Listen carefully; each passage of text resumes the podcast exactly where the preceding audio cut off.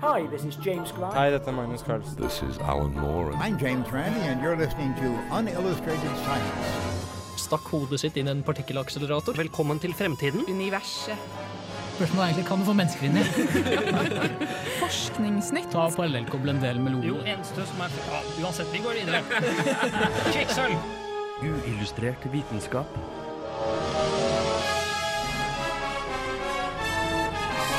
Science, works. I dagens Uillustrert vitenskap skal vi snakke om film og Hollywood. I denne anledning skal vi snakke om vitenskapen i Breaking Bad, før vi snakker om parsec i enhetsskolen. Deretter skal vi snakke om warp speed, før vi til slutt går løs på vitenskapen i Interstellar. Hallo, og velkommen til denne ukens Uillustrert vitenskap.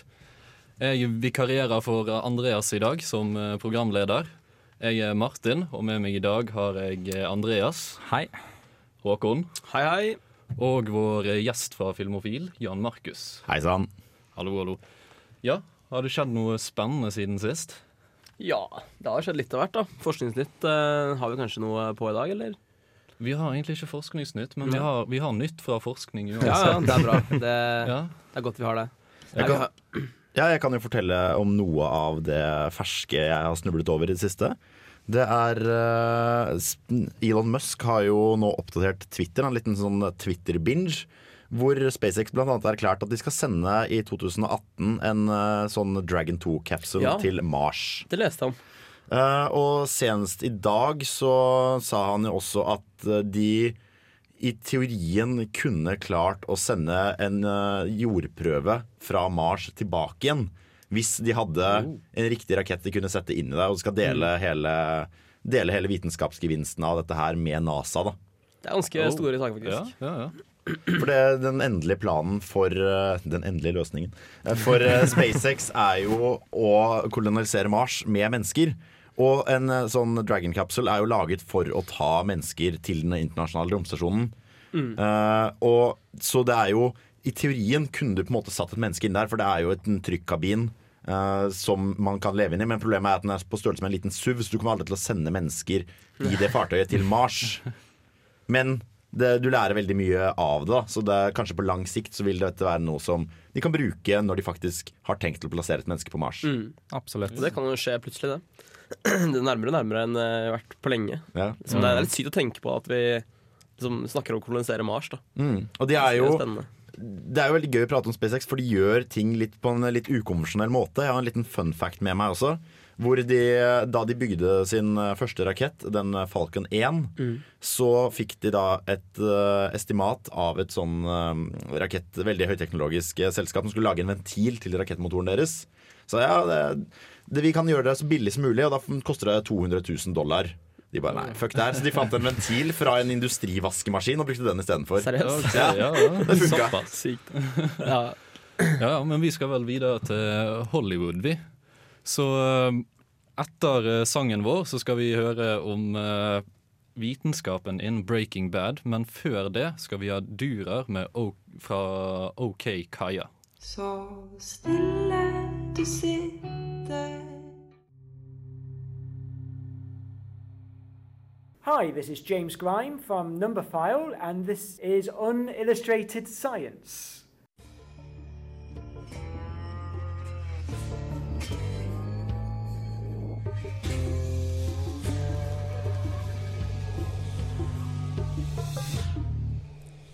Det er sannsynlig at folk husker mer kjemi fra en episode av AMCs Breaking Bad enn fra sin tid på videregående. Men kan vi stole på vitenskapen vi ser i denne ellers visuelt pene serien? For de som ennå ikke har fått med seg serien om Walter White, handler det om en manns forvandling fra kjemigeni til naturfagslærer, til kreftpasient og så til en drug kingpin. Walts vitenskapelige bakgrunn hjelper han ikke bare med koking av meth, men hjelper han også ut av en rekke problemer. Der andre kriminelle slåss og skyter seg ut av trøbbel, bruker Walt ikke bare kjemi, men også fysikk og biokjemi for å slette fellende bevis.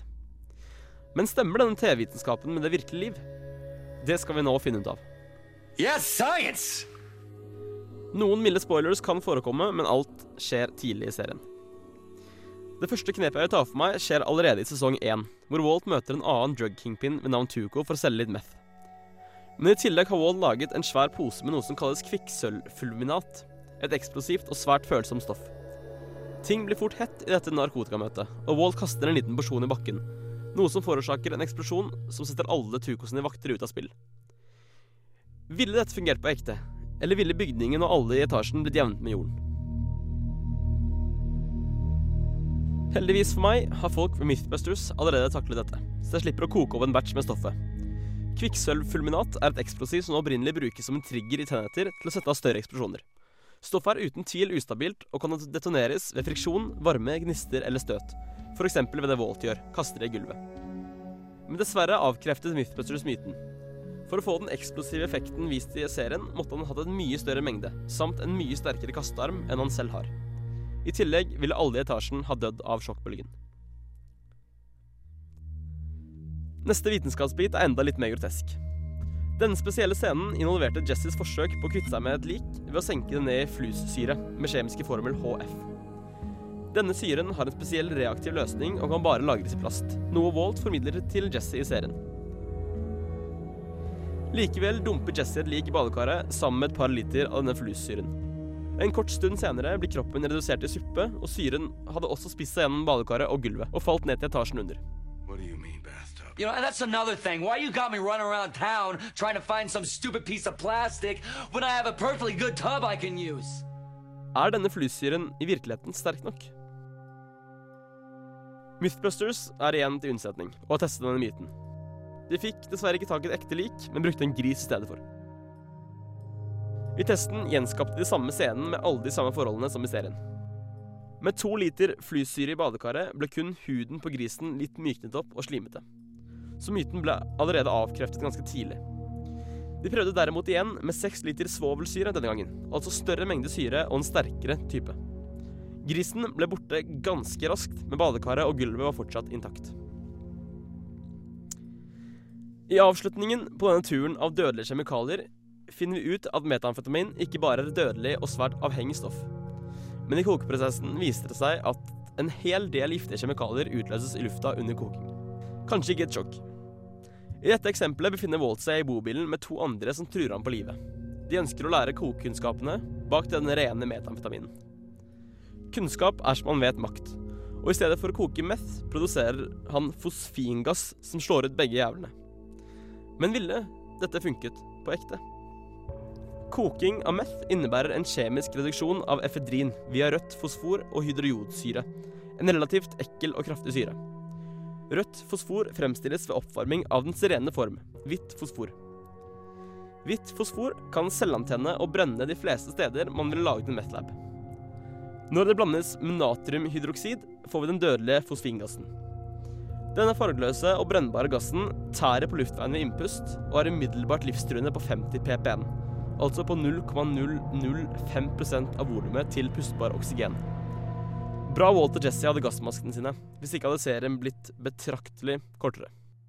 This is Alan Moore, and you're listening to Unillustrated Science. Ja, ganske morbid til en viss grad. Det er det. Det er det. Det er jo noe av sjarmen også, da. Det er jo Folk ser jo på Breaking Bad fordi de får en slags input de ikke nødvendigvis har fått i så mange andre serier. Ja. Der har du en uh, kjemilærer som uh, begynner å drepe og løser opp folk i badekar Ja, og osv. det er ganske mye, mange drøye ting. Veldig mye som skjer veldig fort, da. Ja, Egentlig. Veldig, veldig mye. Det er liksom mange ting som man uh, sånn, Jeg har lest litt mye om der da, siste tiden, nå, og man ser jo at mye av det som vises da, i Breaking Bad, er ganske riktig, da, sånn kjemisk sett. Mm. Men mye dialog og sånn brukes litt rart, da, mener folk. Og litt sånne der ting som bobler i bakgrunnen i reagensrør som ikke gir mening. Og, For å få det til å se veldig sånn litt sånn sånn, litt sånn. Frankensteins laboratorium, hvor du har sånne reagen spiraler Ja, ja, ja. og lyn som skyter deg ned. Og... litt sånn Gilligans uh, artistiske frihet som Ja. slår inn. Det som er litt gøy med det, da, det er at uh, de som lagde Breaking Bad, de var nødt til å snakke med ekte kjemikere for å slik at de kunne forklare dem hvor mye de egentlig kan vise av selve Ja, ja. Mm. metamfetaminprosessen, slik at folk ikke kunne ja, Reprodusere og Ja. ja. Ja, nei, jeg har jo en kompis som eh, går kjemi på Gløshaugen. Og jeg spurte liksom sånn, ja, hadde du klart å lage med Ja, det hadde jeg klart. Det er ikke noe problem. Det er så lett. Det kunne jeg gjort på videregående. Ja, liksom jeg leste også det at det, det, er ikke, det er ikke så veldig vanskelig å lage så ren meth som Volt gjør. Det som er vanskelig, er liksom LSD. da Det blir en vanskelig prosess da å lage liksom, Ja, skjønner. liksom, så ren LSD. Der var det jo faktisk eh, Fram til midten av 90-tallet så ble 90% av all verdens LSD produsert i den samme nedlagte atombunkeren av én fyr. Fordi du trenger så små brukerdoser at hvis du lager 40 liter, Ja. så har du nok til å forsyne hele verdens uh, supply Ja, i ganske lang stund. Sykt. Ja, altså, men men du, nevnte, du nevnte jo uh, i starten at det, det med scenen med Tuco Ja, ja. Da når eh, ja, alt sprenger og alt er Ja. gøy, holdt jeg på å si. Eh, men altså, kvikksølvfulminat, hva er egentlig da? Nei, det, er- det, en, eh, det er noe som fremstilles. da Først reagerer, man, man reagerer kvikksølv med konsentrert salpetersyre, og deretter tilsvarende etanol. Og, men som, som vi snakket om i stad også, det er veldig Hollywood-esk, de greiene her. da Mm. Fordi hvis, som Jan sa i stad, hvis man hadde gått inn i rommet med en pose med den her, det hadde sprengt bare det hadde tatt det, så å si. Det er så følsomt. Så Hvis det er noen kids der hjemme som har lyst til å prøve å lagre det på kjøkkenet, så de kan kaste det på trær i skogen, Ja. ikke, ikke gjør det. Da brenner du ned huset og dør. Og det er for, for så vidt, når du snakker om barn og det her, det er for så vidt det samme som finnes i de sprenggreiene man kaster i bakken. Oh. Ja, I veldig små mengder. Eh, så enten er det det eller eh, silver fulminate. Da. En av de to. For det snakket om det er mercury fulminate. Mate, Nate, som snakker, oi, fulminate. Mm. Mens det er som det kalles silver fulminate. Det er en av de to som er i de der sprengladningene til barn man kaster i bakken. De der små eh, hvitløksfeddene. Knall, da heter det? Ja, knall. knall, ja. knall. Ja, Mm. stemmer. Veldig små mengder, da. Så, men det er ikke noe Ja. Det er det Ja. som ja. Vi, vi kommer jo uh, senere tilbake til Interstellar, men der leste jeg jo blant annet uh, at en av de som var vitenskapelig rådgiver på den filmen til Eller Nolan-filmen, Mm.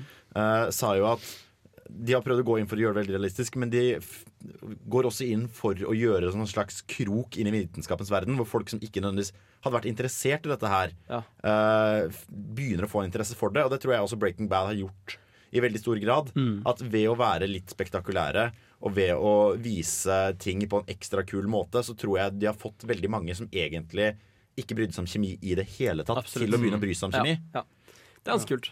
Nå har vi ikke vår kjemiker her i dag, Andreas Sund. Han skulle egentlig vært her og sagt sikkert masse Ja, han burde jo kommet inn med noe input. Ja, han har alltid noe å si. Men eh, vi skal videre. Eh, vi skal videre til enhetsskolen, der vi skal lære om parsec. Før vi går videre til warp speed. Du hører på uillustrert vitenskap på Radio Revolt, og her kommer State of Joy av Red-Headed Sluts.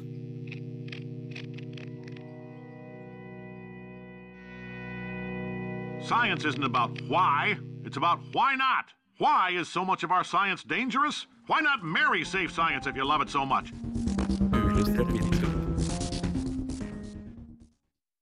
Meter, Bredde. Hestekrefter. kilometer, Pascal. Millimeter, kvikksølv. gram, Parsec, liter, dybde. Kelvin, Kelvin, kilde. Fahrenheit. Enhetsskolen. Du tror kanskje at fordi Han Solos Millennium Falcon kunne fly Castle Run på mindre enn 12 parsecs, at en parsec er en enhet for fart. Men parsec er egentlig en enhet for distanse, der en parsec tilsvarer 3,26 lysår, altså hvor langt lys reiser på 3,26 år, som igjen tilsvarer 31 trillioner kilometer. Vår nærmeste stjerne, Proxima Centauri, ligger 1,3 parsecs, eller 4,24 lysår, unna vår sol. Men hvorfor 3,26 lysår, som tilsynelatende virker så tilfeldig? Jo, det har med jordens rotasjon rundt solen å gjøre. For å måle en parsek kan man tenke at man tegner en rett linje fra solen til et ønsket himmellegeme. Jorden vil etter hvert stå vinkelrett på denne linjen. Seks måneder senere vil jorden også stå vinkelrett på denne linjen, men nå fra andre siden. Det vil nå se ut som himmellegemet har flyttet seg litt, du får samme effekten hvis du strekker ut armen og holder tommelen opp og lukker et øye. Når du åpner det øyet og lukker det andre, ser det ut som tommelen har flyttet seg litt til siden. Hvor mye tommelen har flyttet seg, kan brukes til å bedømme avstanden fra øyet fram til tommelen. På samme måte fungerer det med parsek. Vinkelen mellom jordens perspektiv og solens perspektiv måles i buesekund, eller 1,36 tusendedels grad, der ett buesekund gir oss én parsec. Er buesekundet mindre, betyr det at objektet er lengre unna. Og større buesekund betyr at den er nærmere. Hei, dette er Magnus Carlsen, og du hører på Uillustrert vitenskap. Mange science fiction-filmer tar for seg reise mellom stjerner og planeter. Lange avstander unnagjort på så kort tid at en reise gjennom galakser tilsynelatende tar omtrent like lang tid som en flytur fra Alexandria til Karasjok. Mest kjent er kanskje Warp Speed fra TV- og filmserien Star Trek, der man bruker en såkalt warp drive til å oppnå hastigheter høyere enn lysfart, og dermed gjøre reiser mellom solsystem så lett som bare det. Men er dette i det hele tatt mulig? Vil ikke det å gå raskere enn lyset tulle med hele relativitetsteorien? Ikke nødvendigvis. I 1994 publiserte fysiker og Star Trek-fan Miguel Alcubierre en artikkel der han foreslår en såkalt Alcubierre drive, som kan flytte et romskip lange avstander på kort tid uten at romskipet beveger seg så mye i det hele tatt. Teorien går ut på at man trekker sammen rommet foran skipet og utvider rommet bak, slik at man kan nå sin destinasjon raskere enn man kan i normalt rom. Man kan sammenligne denne metoden med et samlebånd. Hvis du går på et samlebånd i en gitt hastighet, vil du nå fortere frem til enden av samlebåndet enn hvis du hadde gått i samme hastighet langs samlebåndet. Altså, man tenker relativt til underlaget. Men hva må til for å bøye rom? Selv om teorien er matematisk mulig i henhold til Einsteins feltligninger, så har vi noen ganske store fysiske hindringer. For det første trenger vi muligens eksotisk materie, materie som har negativ masse.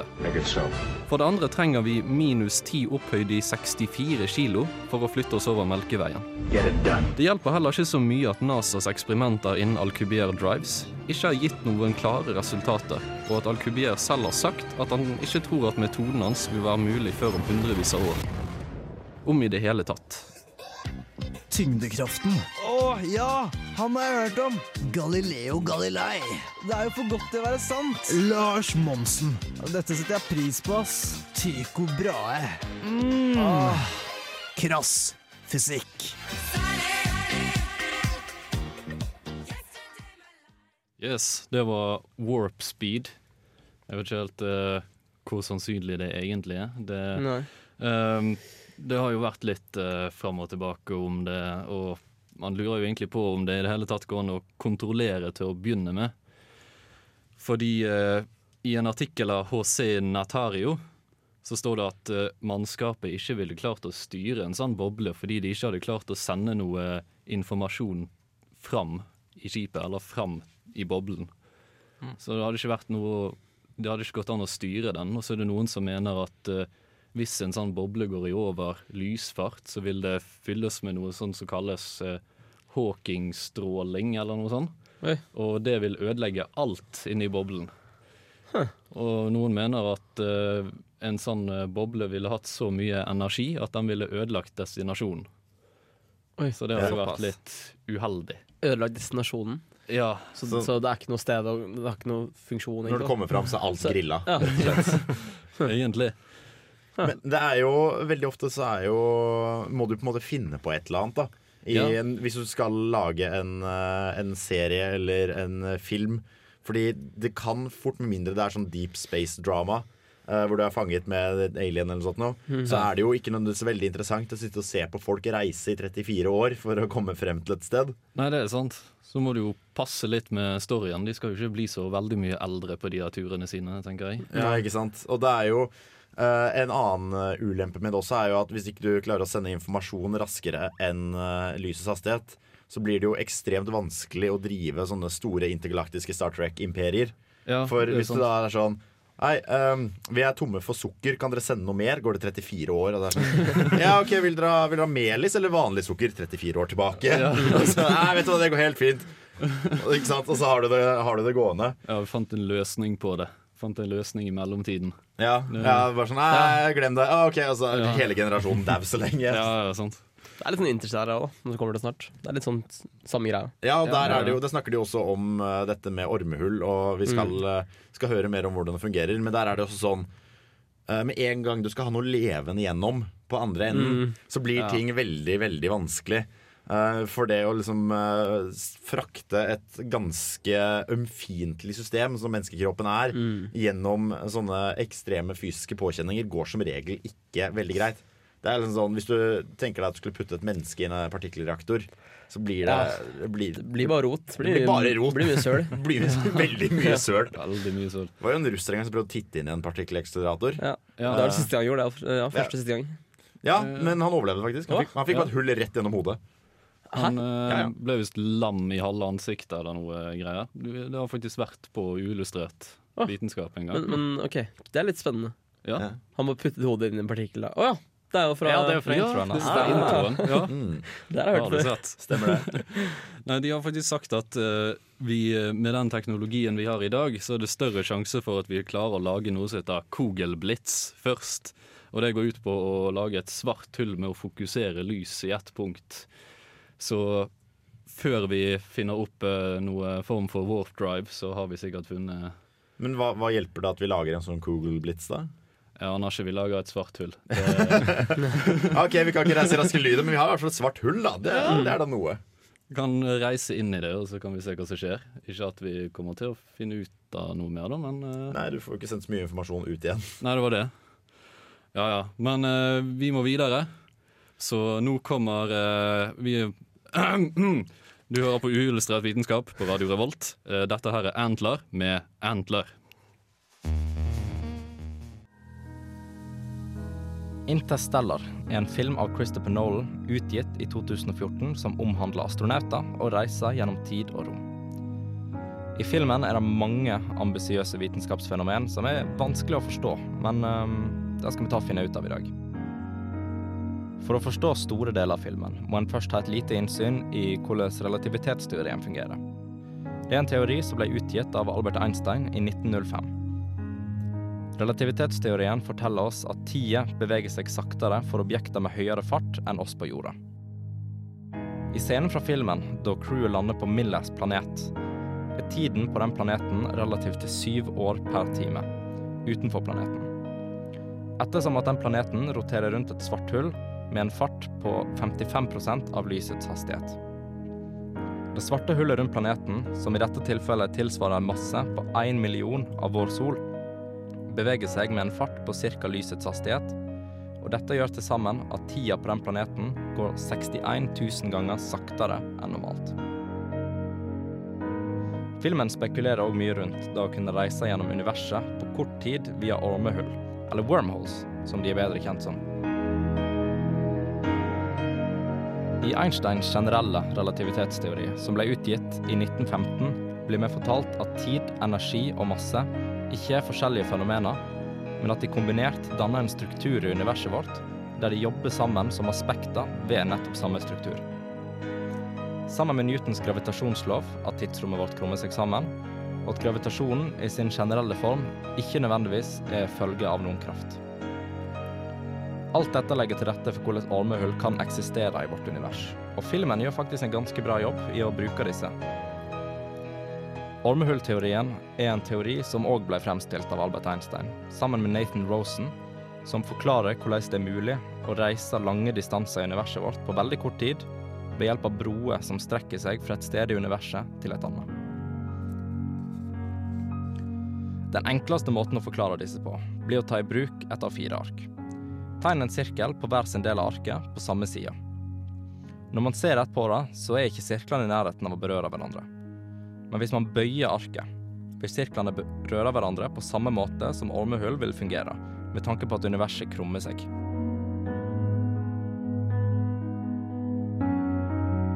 En annen teori som filmen takler, er teorien rundt dimensjon. For å koble dette til filmen, så er jeg dessverre nødt til å spoile deler av slutten. Så jeg skal gi dere et par sekunder til å lukke ørene, hvis dere ikke har sett den før. Ok.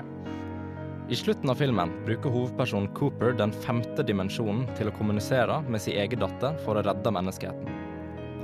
For å forstå dette her, så må vi forstå hvordan dimensjoner fungerer i et rom. I den første dimensjonen så er det kun én akse, hvor et helt tall vil kunne representere en posisjon på ei stripe. I den andre dimensjonen eksisterer det en X- og en Y-akse, som f.eks. i en firkant. Og for å finne en posisjon må du definere en ny posisjon basert på hvor X-aksen er relativt til Y. Den tredje dimensjonen, som ikke må forveksles med 3D-film, er representert av X-, Y- og Z-aksene, som er for så vidt hvordan vi ser ting rundt oss i dag. I tid og rom er den fjerde dimensjonen representert av nettopp tid, og forteller oss hvordan tid reflekterer de tre aksene fra den tredje dimensjonen. Den femte dimensjonen, som filmen tar i bruk, representerer alle mulige tidslinjer hvor noe kan ha skjedd eller skjer.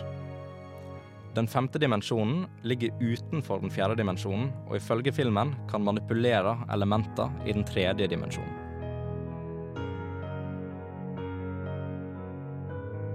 Alle disse teoriene er veldig ambisiøse, men de er basert på skikkelige teorier og ganske overbevisende vitenskap. Men det meste i filmen tar i bruk, er som sagt kun teoretisk. Det mangler veldig mye for at noe som dette skal kunne skje i virkeligheten. Very graceful. No, but very efficient. What are you waiting for? Let's go. Go, go, go, go, go! Seven years per hour here. Let's make it count. Jeg er Aksel Tidemann. Jeg jobber som forsker på kunstig intelligens ved Telenor Research, og du hører på uillustrert vitenskap. Ja, så ormehull og dimensjoner og uh, Ja, jeg, jeg kan ikke bidra så mye når det gjelder filmen, da, for jeg har ikke sett den. Det burde jeg gjort. Ja, det, det, det anbefales å se den, altså. Ja. altså jeg må egentlig si Jeg syns filmen egentlig er relativt bra. Ja. Oi, oi, oi, oi, oi. Det, det er én ting som, som jeg ikke nevnte i saken min, som jeg syns var veldig bra gjort av filmen. Um, altså I tidligere filmer så har svarte hull uh, blitt liksom kjent for at de, de suger til seg alt. Altså ingenting kan ja, Ja, og- Ingenting, ingenting kan unnslippe. Men det er altså svarte hull de suger ikke til seg noe som helst. De har, et, de har en gravitasjon, men det gjør egentlig bare at du kan gå i bane rundt den, slik at du kan gå i bane rundt en, en vanlig planet. På den måten. Um, men så er det jo òg mye som ikke, ikke går, rett og slett. Det er jo altså sånn som Den femte dimensjonen. Det er jo teoretisk at den eksisterer, men det er ingen måte Mm. å komme inn og ut av en femte dim dimensjon. Nei. Og eh, for de som har sett filmen, den docking-scenen når han skal feste skipet sitt fast på et annet skip i rommet, den er umulig. Da, både med tanke på at, um, at det går i altfor stor fart, og med tanke på at han hadde ingen erfaring med å være utenfor, uh, utenfor jordas atmosfære. Nei. Ok. Mm. Det er jo uh, Det er jo også én ting som er litt rart med akkurat den scenen du nevner, hvor han skal dokke. Ja. Fordi der går det jo på en smell, for å si det sånn. Og uh, romstasjonen deres eksploderer lite grann, Mm. hvis det er lov å si det. Og det som er så gøy, er at uh, med en gang ting eksploderer lite grann i rommet, så begynner de plutselig å falle rett ut av bane. Ja. Og det er jo ikke Ja, det- realistisk for fem flate øre. Det er jo samme greia i Gravity, så blir jo den ene Ja, ja. romstasjonen veldig gjennomhulla. Mm, og derfor, av en eller annen merkelig grunn, så bare detter den ned. Det er ikke sånn at fordi den er ødelagt, vil den få noe mindre fart i bane rundt jorda. Så akkurat det er jo en ting som er litt sånn nja. Ja. Men på Interstellar så var det uh, Hadde jo uh, Noel, hva skal jeg si, Uh, Nolan Mm. Han som lagde filmen, uh, han hadde jo selvinnsikt nok til å si at ok, jeg er ikke en teoretisk fysiker. Så de gikk til en teoretisk fysiker ved navn Kip Thorne mm. uh, og spurte ok, uh, dette er det jeg har lyst til å gjøre. Hvordan kan vi gjøre det realistisk? For Han var veldig opptatt av at denne filmen her skulle gjøres med så lite CGI og så nært, nært en, en, virkelighet som mulig. Mm. Så han spurte litt om sånn Hei, vil du reise raskere enn lyset? Og etter sånn mange uker med krangling så kom han fram til at nei, ok, greit, vi kan ikke reise, reise raskere enn lyset. Da blir det et ormehull. Um, og det er jo flere, flere ting som etter å ha sett den filmen her, som jeg bet meg merke i. F.eks. dette med at den planeten som er nær, eh, nær dette kjempestore sorte hullet som heter Gargantua, Mm, ja, dramatisk, den ville jo blitt revet i stykker av eh, tidevannseffekten veldig, veldig kjapt. Men der har faktisk han eh, Kip Thorne eh, regnet i mange timer på hvordan akkurat det kunne gått an. I hvilket liksom ekstremt spesielle tilfelle kunne det gått an. Han sa at hvis du har en, et stort, sort hull som roterer kjemperaskt, så er det teoretisk mulig. Så det er veldig mye i filmen som er er teoretisk mulig, men bare under helt perfekte forhold. Ja. Så man må liksom bare ta, anta at i denne filmen så har de sagt at ok, denne planeten er Det går an. Det er veldig lite sannsynlig, men det går an. Så de har, de har egentlig bare veldig flaks gjennom hele filmen.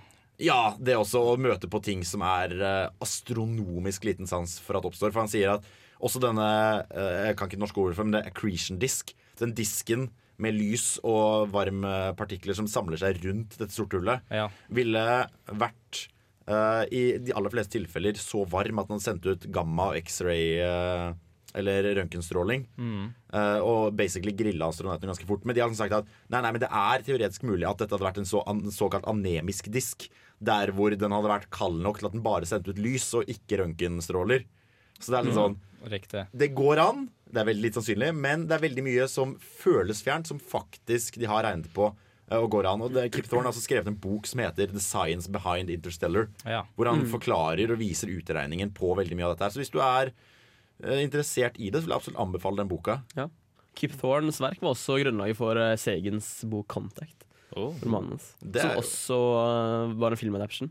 Ja. Som også Matthew McConney spilte i. Ja, det er sant. det er sant Da spiller han en litt sånn langhåra hippie. Ja, eh, spirituell. Så det handler litt om samme greia. Kip Thorne er jo grunnlaget for mange sånne Mm, tydeligvis jobba med Hollywood før. Bodde McConney i verdensrommet for å forberede seg på, på rollen? Og det har, vært, det har vært veldig gøy, men jeg tror ikke han gjorde det. Ah, ok. Ja, jeg, tror, jeg tror, ikke, ikke, tror ikke George Clooney gjorde det samme heller i Gravity. liksom Nei, jeg regner ikke med det. Men ja, de har i hvert fall bra musikk i Interstellar. Mm. Og siden vi er Radio Revolt, så har jo vi vår egen musikk. Her kommer 'Strangers From The Sky' av Death by Unga Bunga. So, this is Richard Wiseman, author of 59 Seconds, and you are listening to Unillustrated Science. Enjoy. Ja, og vi er tilbake. Og nå skal vi diskutere litt eh, generell Hollywood, var det vel? Mm. Det er jo ganske mye Hollywood som ikke helt stemmer med vitenskapen. Men uh, vi har jo diverse klisjeer. Vi har jo Ett eksempel er jo den der uh, når folk blir skutt i filmer, så flyr de bakover. Men Newtons tredje lov sier jo da at han som hadde skutt, hadde fløyet like langt bak. Så- Det er litt morsom ting, faktisk. Fordi uh, det viser seg at når man blir skutt, så faller man egentlig ikke. Men man faller fordi det er det man forventer at man skal gjøre når man blir skutt. Mm, så det er ja. ingenting som gjør at, du, at kroppen din faller sammen. Eller kommer an på hvor du blir skutt, selvfølgelig, men, men, eh, men jeg leste at eh, når du blir skutt, så, så, så faller du ikke rent fysisk, du faller psykisk. Mm. Kan Fordi man- det er det, man... du er vant til å, det er det man er vant til å konnotere med å bli skutt. Ja, det er veldig, ja, du legger deg ned. Men Kan man kalle det en placeboeffekt, da? Det Kanskje jo- på en måte, ja, kanskje. Ja, på en måte. Det blir jo nesten, da. Jeg ser for meg liksom du, du løper bort til noen som er skutt. Nå må du reise deg opp! Det er bare sånn Ja, placeboeffekt. ja. Bare det samme. Det er litt sånn. Men det er jo eh, Det er jo Hollywood har jo litt sånn to retninger å gå. Du har, på den ene siden så har du Interstellar-måten. eh, hvor du da hyrer inn en, uh, en fysiker og spør liksom Ok, hvordan kan vi gjøre dette her realistisk. Eller at du går til fagfolk, f.eks. Eh, fra 1996, tror jeg. Hvor de da snakket med tidligere sånne kontraterroristspesialister. Folk som var, hadde jobbet i law enforcement. Spurte ok, hvordan kan vi gjøre en bankranscene og en skuddveksling så realistisk som mulig. Mm. Og så har du den andre siden, en slags sånn Michael Bay school of thought. hvor du da har ok, så lenge det ser kult ut, så er det kult. Ja. Og jeg tror, jeg tror nok ofte så har eh, et publikum ikke vært så krevende som det var før. Fordi nå har du internett, og nå har hele verden eh, som ser på kino, basically all kunnskap på fingertuppene. Så hvis du ser en eksploderende bil, så har du allerede lest på internett at det er ikke realistisk. Ja, og så har du jo de, altså har du jo Bollywood, ikke minst. Der er det jo veldig mange scener, for eksempel der eh, Hvis det er en jeg husker jeg har sett, da, så er det en som står, han står midt i veien, og så han fleiler armene rundt, og så plutselig er det masse biler som flyger over han. Så plutselig er de i sakte film, og så Mm. er ikke han i sakte film, og så blir det litt Ja. sånn type Dead Deadpool òg, nesten. Det er Ja, Bollywood har jo veldig mye fint. Så han kastet bare et stålrør i fronten på en bil, og for en eller annen grunn så spretter bilen opp i luften. Ja. Det, jeg vet ikke helt hvordan sånne ting skjer, men eh, det skjer i Bollywood. Mm. Movie magic. Bollywood er nesten en egen sjanger, da, for det er lov å gjøre sånne ting. Det blir ja. liksom en helt annen sånn eh, Ja, det blir på en måte en, en, en sånn gjennomført klisjé, da, Mm. som er meningen. Litt sånn tegneseriefysikk. Ja. Mm. Ja. Men det er jo også veldig mye vitenskap bak hvordan man lager film. For eksempel så nevnte du jo dette med George Clooney i verdensrommet, og det hadde vært veldig kult om han faktisk uh, hadde vært i verdensrommet for å forberede seg til filmen. Men der hadde de jo uh, Hele filmen først og fremst er jo egentlig CGI. Mm. Det er jo nesten bare ansiktene deres som ikke er dataanimert. Og så flyr de litt rundt. Men der, de, der lagde de jo en egen maskin som de spente inn basically armer og bein. Sånn at du satt på omtrent et sånn sykkelsete. Og ble da fløyet rundt i eh, det som var simulert eh, mikrogravitasjon. Sånn at det ser veldig veldig realistisk ut. Men alt det som flyr rundt, da, liksom brannslukningsapparater og, og alt sånn debris i rommet, er jo egentlig dataanimert. Ja, ja, ja. Så det er jo nesten en sånn live action cartoon. Mm. eh, Mm. film av det hele.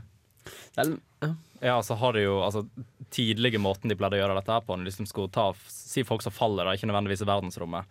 Men da har de jo altså sånn De har et bord, og så har de liksom en green screen over. Altså liksom Mm. Folk som ligger der og bare veiver rundt med armer og bein og bare Ja. later som de faller. Det er bare sånn, ja, nei, nå, nå tar vi av, og så ligger alle i stolen og rister seg selv. Ja. Det, sånn, ja, nei, nå, nå tar raketten av dere, og så tar vi og slenger på en cockpit i bakgrunnen. Ja. Det er litt morsomt med i Interstellar, tilbake til den, så har vi jo Tars og sånn. Mm. Det er jo ikke CJI.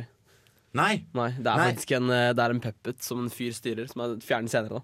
Men det er faktisk en, ja, det er en, det er en robot som, eh, Ja. som blir styrt av en mann med, som går bak han. Ja, det visste jeg I ikke, hvert fall i ja, de, de vanligste scenene, de rolige scenene. Og det med å liksom riste og ta av og sånn. Så dere, hvem er det som har sett Interstellar på kino? Mm. Altså, Jeg har ikke sett den på kino, faktisk. Men der er det jo den takeoff-scenen hvor de skytes ut i rommet fra jorda, er jo ekstremt uh, høylytt. Mm. Og der har det De selvfølgelig varierer fra kino til kino hva slags lydanlegg de har, men det var en uh, sånn takeoff-scene på kino hvor uh, en fyr som var filminteressert og veldig rominteressert, hadde faktisk tatt opp lyden da og målt det til en sånn 148 desibel eller noe.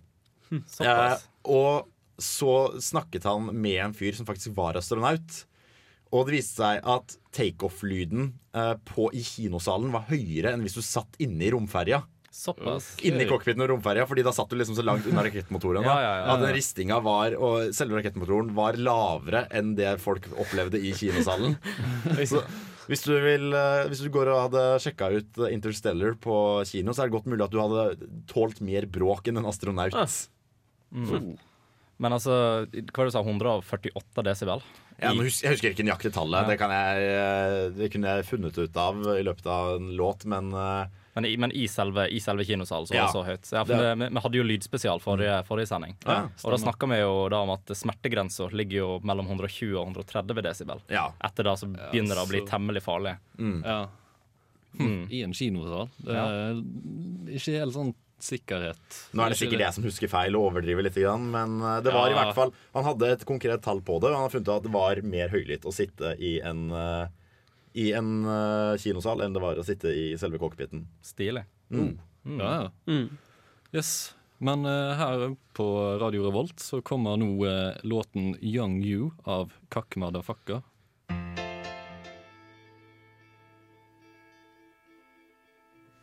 Ja, og vi er tilbake. Nå begynner det å nærme seg i slutten. Det er trist, men sånn er det bare. Mhm. Ja. Da har vi lært mye om Hollywood i dag. Sånn, Ja, litt grann, i hvert fall. En, sånn, uh, i, hva skal jeg si, en slags introduksjon Ja. innenfor det aller mest teoretiske av uh, filmmusikk. Bra vi fikk en blanding da, med en filmofil eh, type her i studio. Ja. Det er jo mange, mange sånne Det er jo en sjanger jeg er veldig glad i, som er litt sånn hard uh, sci-fi. Mm. Som heter sci-fi som er Hva skal jeg si Helt hard sci-fi finnes det jo ikke, Fordi da er det jo bare vitenskap. Ja, ja. Men du har på en måte ting som kunne vært mulig i en ikke så altfor fjern fremtid. Så hvis folk er interessert i det, så vil jeg anbefale å sjekke ut eh, Black Mirror, uh, Eksmakena Mm, Eksmakena er og uh, Moon, som ligger på Netflix. Mm. Eh, Moon veldig- av han eh, Duncan Jones, er det ikke det? Regissøren. Mm. Veldig god Duncan Jones? Jeg er ikke helt sikker på om det er han. Men jeg, Nei, kanskje ikke. Jo. Fra 2009? Ja, ja, ok. ja nei, men da er det det. Sønnen til David Bowie som har regissert den. Oh. Ja. Kult. Du kan ta nevne på hvor vi kan høre Filmofil. Ja, Filmofil finner du jo på dusken.no slash radio slash filmofil. Mm. Uh, og der uh, er det bare å høre på. Vi har, uh, hvis du vil høre på den ene sendingen vi har om hard science, så er det bare å lete gjennom arkivet vårt. Det er, eh, Mm. det er kult. Ja, men eh, da er vi vel nesten ferdig, så Ja. da er det bare å si at følg oss på Facebook, og hva nå enn vi har av sosiale medier, uh, MyFace og Insta, Twitter og sånne ting. Vi kommer snart på Instagram også. Ja, så har vi eh, Jodel. Aktiv på Jodel. Ja. Yes. Med meg i dag har jeg hatt eh, Andreas, Håkon og Jan Markus. Jeg har vært Martin, og jeg takker for meg. Ha det. Ha det bra.